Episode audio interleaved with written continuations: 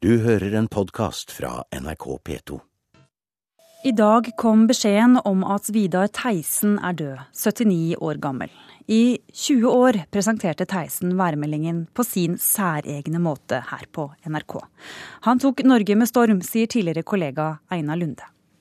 Telemark og Sørlandet kan vente noen spredte byger først på dagen, men det blir for det meste nordvestlig bris og pent vær. Og nordvestlig bris og pent vær på Østlandet hele dagen.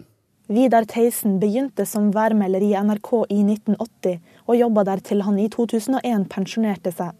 Etter lang tids sykeleie døde Theisen i går kveld på Stovnerskogen sykehjem med familien rundt seg. Tidligere nyhetsanker i Dagsrevyen Einar Lunde jobba med Theisen i 20 år, og minnes han som en person med et varmt hjerte. Eh, det var en fryd å jobbe med han. Eh, han eh, var alltid, Når vi snakket om overganger og hvordan det lå an med været, så var det alltid knappe, konsise svar. Men innimellom så tødde han opp, og så hadde vi noen hyggelige prater som, hvor jeg fikk møte en mann med et stort, varmt hjerte med et engasjement, og ikke minst, han var en proff til fingerspissene når det gjaldt dette med meteorologi. Han engasjerte seg veldig, og han var meget kunnskapsrik. Blir snøen liende noen dager, eller blir det bare sørpe og slaps etter hvert, Vidar Theisen? Det vil nok bli liggende noen dager, men dessverre er det utsikt til sørpe og slaps, iallfall i ytre strøk eh, sist i uka. Altså, Vidar Theisen var jo ikke akkurat den kollegaen som du slo på skuldra og sa 'hallo, gamle ørn, hvordan går det'? Han var jo litt tilknappa, sånn som vi var vant til å se han eh, når han var meteorolog. Sier nyhetsanker i NRK Ingvild Bryn. Og Jeg eh, tenkte på det når jeg las Dagbladet i dag, så sa Espen Eckbo i en helt annen sammenheng at uh, ingen liker det perfekte og um, feilfrie på TV.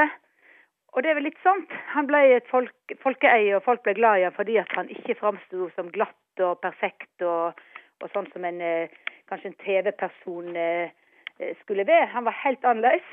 Han var noe helt for seg sjøl.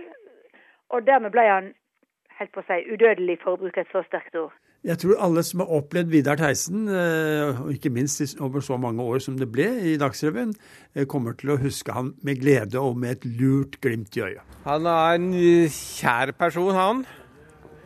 Og artig å høre på. Sympatisk. Klar. Du ble ikke i dårlig humør, du ble nærmest i godt humør. Sa at ja ja, sånn kan jo han være. Var en artig kar. Det var den monotone måten han uh, uttalte seg på da, og sa været på.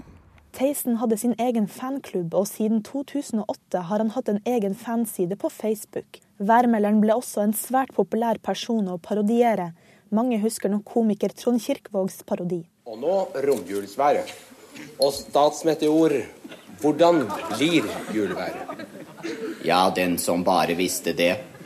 Fra Svalbard og sørover vil et høytrykk gjøre at det blir mye mer vær på Finnmarksvidda enn det var tidligere ble jo parodiert eh, både i øst og vest, men det så ikke ut som at han tok seg så veldig nær av det. Han forandret iallfall ikke stil. Han sto på sin stil. Det var det som var så sjarmerende med, var at han nesten var anti, antihelten eh, oppi det hele. Han tok Norge med storm. Tidligere værmelder på TV 2, Siri Kalvig, syns det var trist å høre om Theisens bortgang.